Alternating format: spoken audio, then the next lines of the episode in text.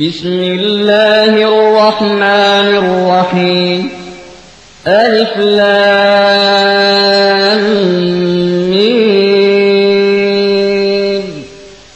تنزيل الكتاب لا ريب فيه من رب العالمين أم يقولون افتراه بل هو الحق من ربك لتنذر قوما ما أتاهم من نذير من قبلك لعلهم يهتدون అనంత కరుణామయుడు అపార కృపాశీలుడు అయిన అల్లాహ్ పేరుతో ప్రారంభిస్తున్నాను అలిఫ్లాం మీం నిస్సందేహంగా ఈ గ్రంథం సకల లోకాల ప్రభువు తరఫు నుండి అవతరించింది. దీనిని స్వయంగా ఈ వ్యక్తియే కల్పించాడని వారు అంటున్నారా? కాదు. ఇది నీ ప్రభువు తరఫు నుండి వచ్చిన సత్యం. నీకు పూర్వం హెచ్చరించేవారెవరూ రాని జాతికి నీవు హెచ్చరిక చేసేందుకు. బహుశా వారు మార్గదర్శకత్వం పొందుతారేమో అని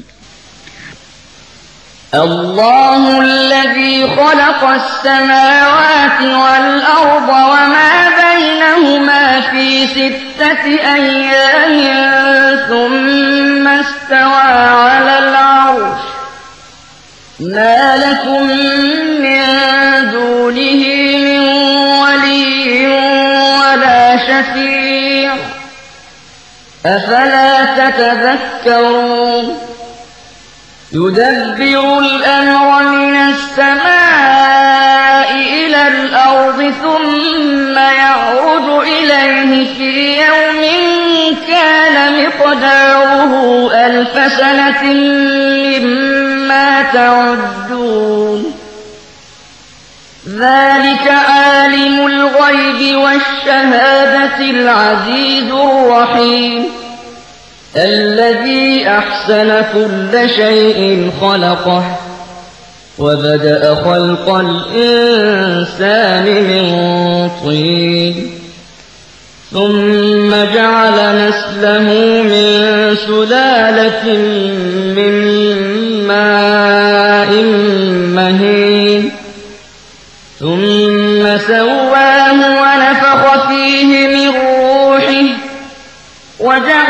لكم السمع والأبصار والأفئدة قليلا ما تشكرون ఆకాశాలను భూమిని వాటి మధ్య ఉన్న సమస్త వస్తువులను ఆరు రోజులలో సృష్టించినవాడు దాని తరువాత అధికార పీఠాన్ని అధిష్ఠించినవాడు అల్లాయే ఆయన తప్ప మిమ్మల్ని ఆదుకునేవాడు మీకు సహాయం చేసేవాడు ఎవడూ లేడు.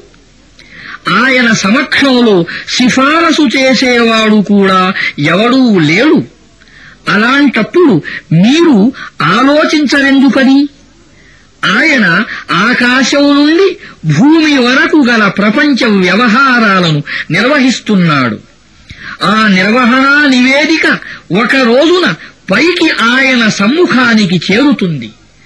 ఆ రోజు పరిమాణం మీ అంచనా ప్రకారం వేయి సంవత్సరాలు. గోప్యంగాను బహిరంగంగాను ఉన్న ప్రతిదానిని ఎరిగినవాడు శక్తివంతుడు కరుణామయుడు ఆయనే. ఆయన ఏ వస్తువును చేసినా చక్కగానే చేశాడు. ఆయన మానవ సృష్టి ప్రారంభాన్ని మట్టితో చేశాడు. తరువాత అతని సంతతిని తుచ్చమైన ద్రవ పదార్థం వంటి ఒక సారంతో కొనసాగించాడు. ఆ తరువాత అతనిని నఖ శిఖ పర్యంతం తీర్చిదిద్దాడు. అతనిలోనికి తన ఆత్మను ఊదాడు. మీకు చెవులిచ్చాడు కళ్ళిచ్చాడు హృదయాలిచ్చాడు. అయినా మీరు కృతజ్ఞతలు తెలుపటం చాలా తక్కువ. وقالوا أإذا ضللنا في الأرض أإنا لفي خلق جديد بل هم بلقاء ربهم كافرون قل يتوفاكم ملك الموت الذي وكل بكم ثم إلى ربكم ترجعون ఈ ప్రజలు ఇలా అంటారు. మేము మట్టిలో కలిసి నశించిపోయినా మళ్ళీ మేము కొత్తగా సృష్టించబడతామా? అసలు విషయం ఏమిటంటే వారు తమ ప్రభువును కలుసుకోవడాన్ని తిరస్కరిస్తారు. వారితో ఇలా అను. మీపై నియమింపబడిన మృత్యుదూత మిమ్మల్ని పూర్తిగా కైవసం చేసుకుంటాడు. తరువాత మీరు మీ ప్రభువు వైపునకు మరలింపబడి తీసుకుపోబడతారు ولو ترى إذ المجرمون ناكسوا رؤوسهم عند ربهم ربنا أبصرنا وسمعنا فارجعنا نعمل صالحا إنا موقنون ولو شئنا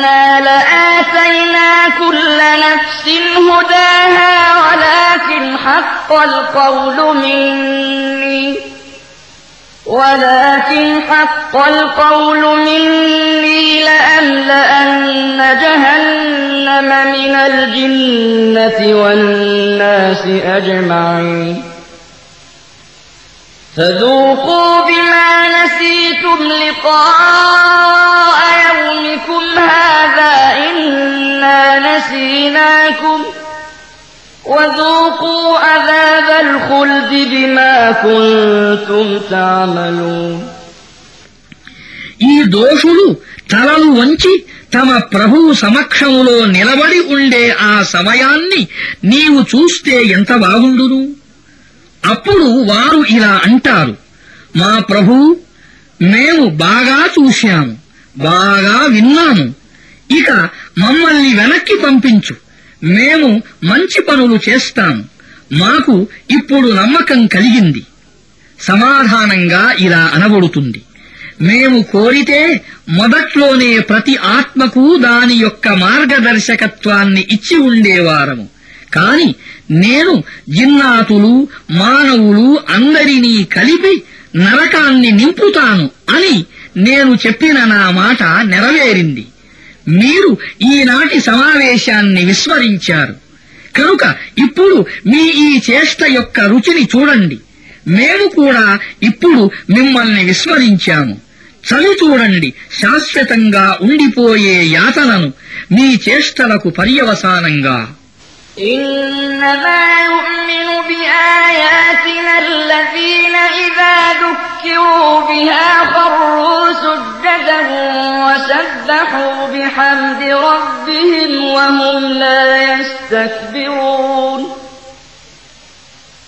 تتجافى جنوبهم عن المضاجع يدعون ربهم خوفا وطمعا ومما رزقناهم ينفقون.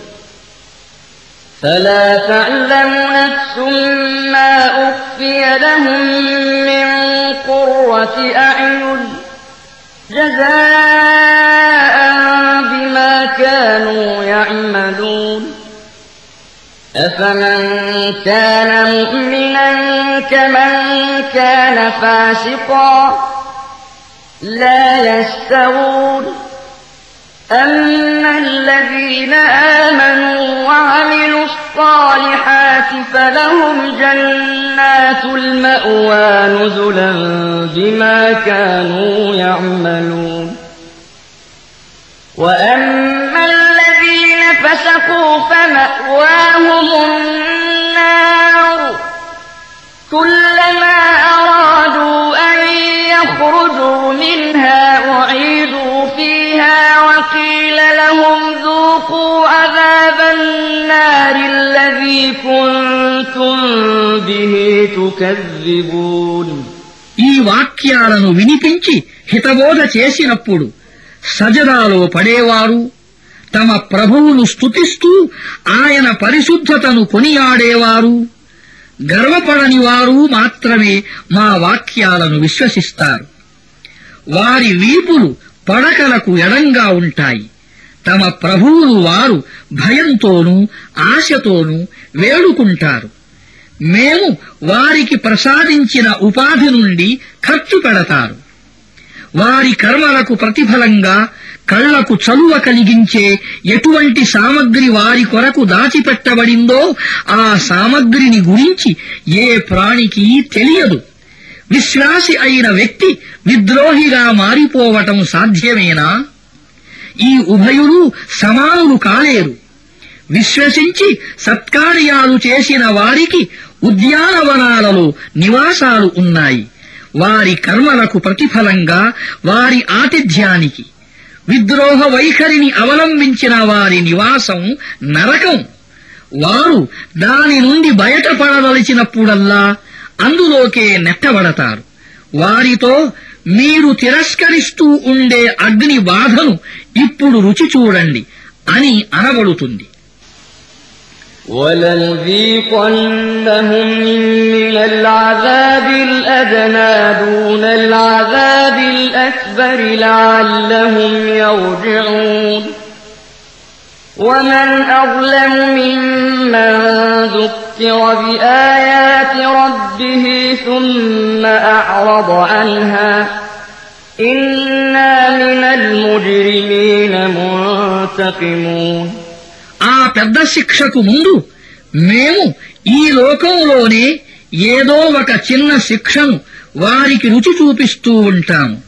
బహుశా వారు తమ తిరుగుబాటు వైఖరిని మానుకుంటారేమో అని తన ప్రభువు వాక్యాల ద్వారా హితబోధ చేయబడినప్పుడు వాటి పట్ల విముఖుడయ్యేవాని కంటే పరమ దుర్మార్గుడెవడు? అటువంటి అపరాధులకు మేము తప్పనిసరిగా ప్రతీకారం చేసి తీరుతాము. ولقد آتينا موسى الكتاب فلا تكن في مرية من لقائه وجعلناه هدى لبني إسرائيل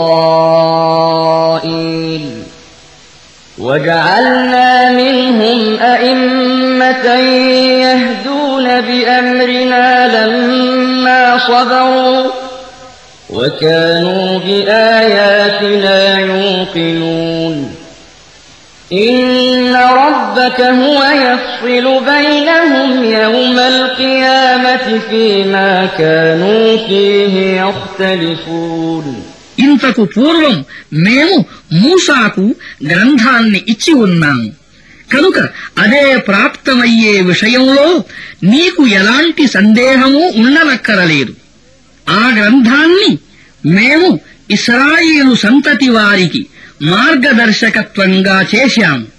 వారు సహనం వహించినప్పుడు మా వాక్యాలను గట్టిగా నమ్మినప్పుడు మేము వారిలో నాయకులను ప్రభవింపజేశాము. వారు మా ఆజ్ఞానుసారం మార్గం చూపేవారు.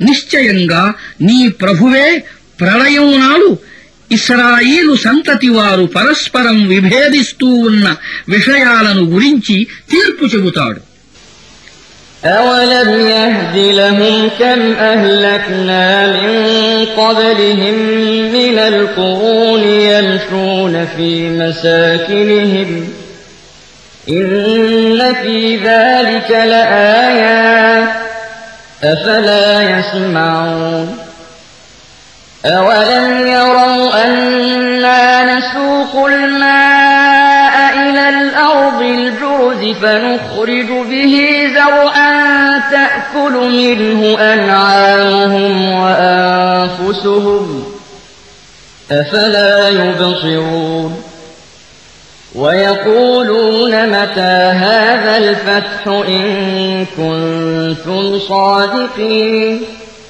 قل يوم الفتح لا ينفع الذين كفروا إيمانهم ولا هم ينظرون فأعرض عنهم وانتظر إنهم منتظرون ఈ ప్రజలకు ఈ చారిత్రక సంఘటనలలో ఏ మార్గదర్శకత్వము లభించలేదా వారికి పూర్వం మేము ఎన్నో జాతులను నాశనం చేశాము వారు నివసించిన ప్రదేశాలలోనే ఈనాడు వీరు సంచరిస్తున్నారు కదా. ఇందులో గొప్ప సూచనలు ఉన్నాయి. వారు వినటం లేదా? వారు ఈ దృశ్యాన్ని ఎన్నడూ చూడలేదా? మేము ఒక బంజరు భూమి వైపునకు నీళ్ళను ప్రవహింపజేస్తూ తీసుకువస్తాము. తరువాత ఆ భూమి నుండే పంటలు పండిస్తాము. వాటి ద్వారా వారి పశువులకు మేత దొరుకుతుంది. స్వయంగా వారు తింటారు. వారు దేనిని చూడరా? వారు ఇలా అంటారు. నీవు సత్యవంతుడవే అయితే అసలు ఈ తీర్పు ఎప్పుడు జరుగుతుందో చెప్పు. వారితో ఇలా అను. తీర్పు దినము నాడు విశ్వసించటం అనేది అవిశ్వాసులకు ఏమాత్రం లాభదాయకంగా ఉండబోదు. తరువాత వారికి గడువు అనేది దొరకదు. సరే మంచిది. వారి మానాన వారిని వదిలిపెట్టు. నిరీక్షించు. వారు నిరీక్షిస్తున్నారు.